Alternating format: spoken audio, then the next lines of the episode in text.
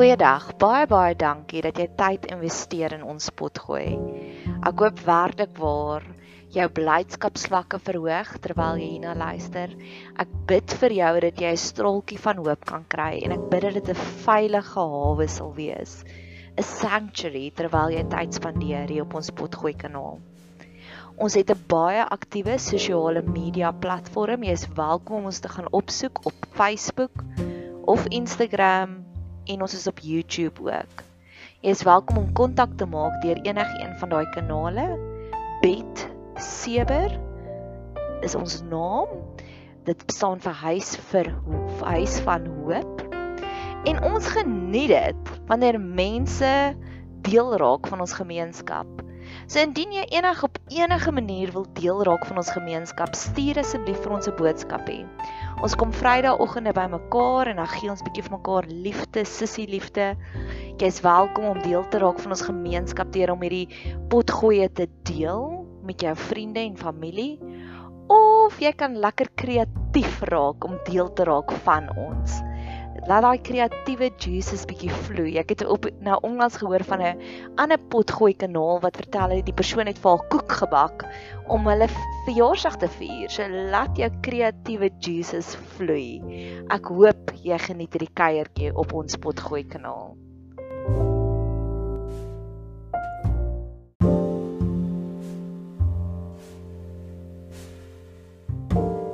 Jesaja 55 beloftes vanuit Jesaja Jesaja 55 deel 2 Vers 5 sê kyk nasies wat jy nie geken het nie sal jy roep en nasies wat jou nie geken het nie sal na jou hardloop ter wille van die Here jou God en van die heilige van die Israel omdat hy jou verheerlik het. Ek neem dit sommer in Nadia terme kings and queens Daar kom 'n oomblik in ons bediening met ons intieme loop met God waar hy letterlik kings and queens na ons toe stuur. So toe ons bid sewe begin het, het ek en een van die fondasielede het gesê ons bid vir ons het dit raak gelees van Salomo wat God het kings and queens, die queen van Skeba na hom toe gestuur. En die bediening was seker so 3 jaar oud en dit ons het ons begin hoë profiel gaste kry kings and queens. Ek het weer verlede week het donderdag het ek so afspraak gehad wat ek so daar sit en sê Here, ek is so out of my field hier. Here, ek weet nie wat ek hier doen nie. Watse raad gaan ek vir hierdie formidable vrou kan gee? Here, sy's 10 keer slimmer as ek, sy's ouer as ek, sy's suksesvol. Sy het suksesvolle besighede. Wat kan ek ou groentjie Nadia vir haar gee? Sy is gelukkig getroud met 'n fenominale man, baie kinders, blended family. Ek is nie eers getroud nie, my eie lewe voel vir my baie keer so bietjie soos 'n mislukking. En nogtans het God haar hart aangeraak deur my woorde. Dis humble pie. Waar jy sit voor hierdie persoon en jy dink wat se raad kan ek vir jou gee? Dis wanneer kings and queens na ons toe kom. Mense dan weet hoe jy eintlik moet gaan vir raad en hulle kom vra vir jou vir raad. Want hulle sien die anointing in jou raak. Dit gaan nie oor ek nie, dit gaan oor Heilige Gees. En ek is dankbaar Ek is so dankbaar daarvoor. Jesaja 55 vers 6. Soek die Here terwyl hy nog te vind is. Roep hom aan terwyl hy naby is.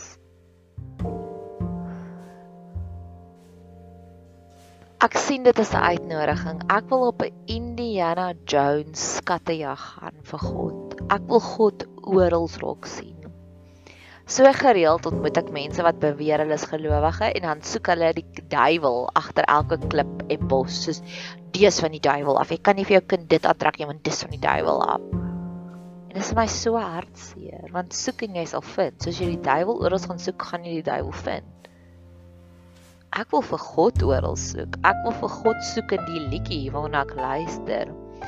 Verlede week was dit fix you and lights will guide you down. Lights will guide you and ignite your bones and I will fix you. Waar daai is soos wow, Here.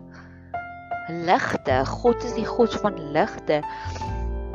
God lights will guide you home.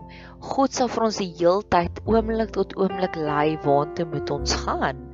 Hy gee vir ons brood krummels soos Jansie en Grietjie oomblik. Hy ignite ons bones. Daar's iets wat iewers wanneer jy jou genesingsplan uitgestuur het, is daar iets wat so intens lewendig raak binne in jou en jou diepste menswese in jou bene. Jy is so lewendig. Waar ek het al gevoel hoe voel dit om zombie te wees. Ek bes, beskryf dit baie keer as Garfield. Ek lê voor Netflix met my tong met halfpad uithang uh en ek is net so lui en moeg en verstaan ek wil nie eens 'n dokumentary kyk nie want ek is net so uitgeput. Nee, selfs net om na 'n dokumentary te kyk is my heeltemal te harde werk. Ek wil soos na die plain basic goed kyk, die goed wat amper nie sin maak nie.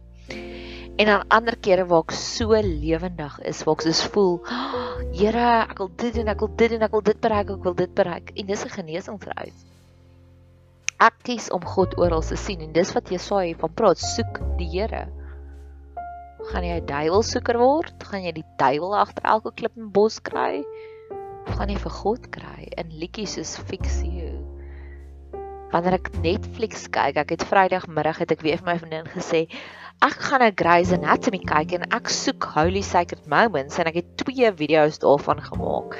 Juis oor waar sy praat van Partykeer is al jou worry weg, maar ons het eintlik die worry nodig om die goeie te geniet. En ek ek my siel resoneer met daardie punt of wat sy vertel hoe sy al Meredith Grey en flou gegaan het wanneer sy net teatersaal staan. En ek soos Here, ek het al flou gekry.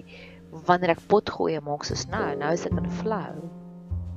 Alles vloei net, die idees vloei net. Ja ek het al meer die Here gesien in sekulêre bronne as te kom al in kerke gesien het. Die wysheid wat in Shonda Rhimes is is next level. Dit wat ek vir maande lank preek vir almal om te sê die pandemie het 'n ripple effek. Ons besef nie die langtermyn effekte van spanning nie. Seisoen 17 episode 15 en 16 gaan juis daaroor waar sy dit analiseer, dis die langtermyn effekte van spanning. Dit maak ons dom. In Job 8 vers 34 35 dink ek staan dit vir langtermyn spanning maak dit ons dom en mal raak, dat ons kompas mendes verloor. Ek kies om die Here te soek, soek die Here terwyl hy nog te vind is in my pasiënte waar ek hulle vir hulle werk in hulle monde werk. En keer op keer het ek al gesê, Here, vir elke pasiënt vandag wil ek 'n golden nugget hê en dan gee hulle vir my 'n golden nugget.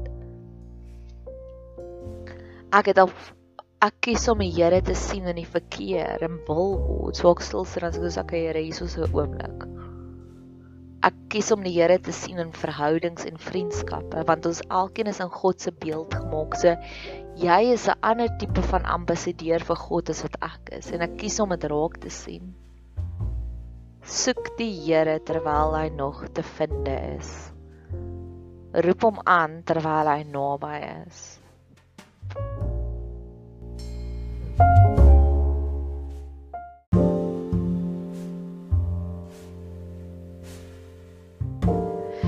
Jesaja 55 vers 7 Laat die goddelose sy weg verlaat en die kwaadoener sy gedagtes en laat hom tot die Here bekeer. Dan sal hy hom barmhartig wees en tot ons God want hy vergeef menigvoudelik. Amen. Dis amper al wat ek kan sê vir hierdie skrifgedeelte. Amen. Ek het 'n worry lysie in my journal en ek het 'n celebration lysie. Lysie. Worry is mense wat vir my wys hulle is emosioneel nog nie gesond nie. En ek weet die Here het 'n unieke bekeringsplan vir hulle elkeen. So, maak jou mental lysie. Wie is die mense oor wie jy worry? Wie is die mense wat jy weet wat nog glad nie 'n intieme verhouding het met God nie?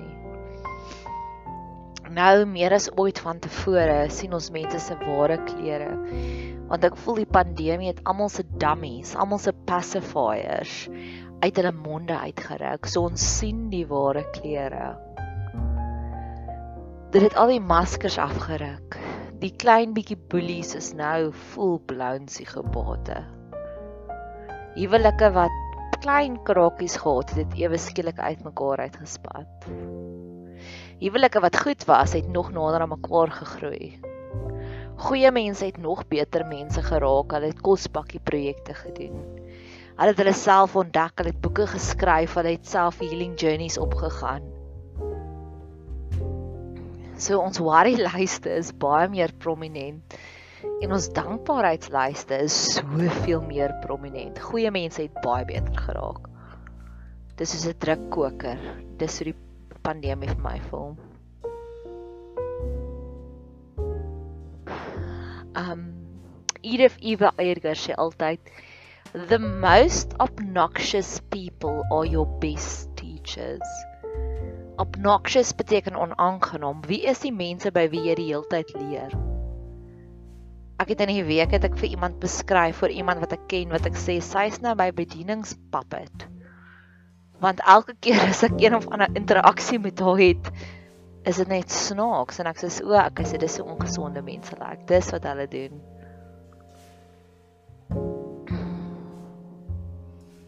Ek love hierdie stukkie want hy gee so groot hoop. Hierdie stukkie sê vir my God het 'n unieke bekeringsplan vir ons elkeen. Ek het vir jare lank gesoek na die Nikodemus tipe van gesprekke want in in Johannes praat Jesus eers met Nikodemus, 'n intense linkerbrein en hy gee hom advies en daarna praat hy met die intense emosionele Samaritaanse vrou en hy gee vir haar ander advies. So ek weet God het 'n manier om met linkerbreine met ingenieurs te connect en 'n plekkie om met ons vrouens wat sag is te connect. En terwyl ek so soekend is na die Nikodemus oplossingsplan vir al my linkerbrein manne in my lewe, kry ek hierdie pasiënt wat so vol hoop is want jy voel dit sommer deesdae. Jy voel is hierdie persoon 'n parasiet wat net jou energie gaan drein of is hierdie iemand wat gaan petrol ingooi in jou petrol tankie? En aan die einde vra ek vir die 80-jarige oomie oom, hoekom word sekere mense bitter as hulle jou ouderdom is en jy so opgeruimd? En hy vertel vir my sy bekeringsstorie. Hoe dit vir homself uitgefigure wetenskaplike feit vir 'n wetenskaplike feit. En terwyl hy dit vertel, bid ek, Here, dis die Nikodemus gesprek. Ek wil al my last cases voor die Here gaan sit, want ons letterlik mense wat ek dink die Here het al vir jou soveel geleenthede gegee. As jy nou nog nie wakker word nie, gaan jy waarskynlik nooit wakker word nie. En in dieselfde asem wil ek gaan stil staan by radikale awakenings wat gebeur. Iemand vertel vir my dat Jim Carrey het 'n geestelike YouTube kanaal waarop hy dinge deel. Good Vibrations podcast wat soveel geestelike dinge deel. Waar die politiek en die pandemie bestudeer en wat soveel goue oomblikke het. En ek wil stil staan by die laaste term woke. Want woke het 'n baie interessante agtergrond. Ek het nou begin praat oor woke. Woke is a term that refers to the awareness of issues that concern social justice and racial justice dis so 'n mooi term, maar dadelik, dit voel vir my woke, voel vir my soos Eva wat in die tuin staan van Eden. Die Satan het 'n halwe bietjie waarheid vir haar gegee, maar dit verdraai. Want in die week journey ek saam met iemand en ek bedien vir ons. Sy sê vir my, "Wat dink jy van woke?" Ek dink ek sê vir ek dink woke is awesome. Dis nee, maar hoe kan jy dit sê? En sy sal klaar nie leen. En ek sê nee maar woke beteken daar is nie meer rasse nie. Dis teen rasisme. Dis wat die wortel is van ons probleem hier in Suid-Afrika. Dat mense verby rasse kyk. Dat jy geestelik sensitief moet wees. En die storie wat sy vir my vertel is nee, dit beteken genders word nie meer aksep nie. En ek weet daar stories van gesamentlike badkamers wat nou gebou moet word in sekere publieke skole in Suid-Afrika. Dis woke volgens sekere mense. Ja, dit is, dis 'n hartseer gedeelte van woke. Maar aan die ander kant weet ek ook beproef alles en bou die goeie. Ek weet mense wat gewoonlik op sulke journeys gaan is gewoonlik mense wat aan die ander kant uitkom. So ja, dis my gebed. Ek wil net nuwe vlakke van bekering sien.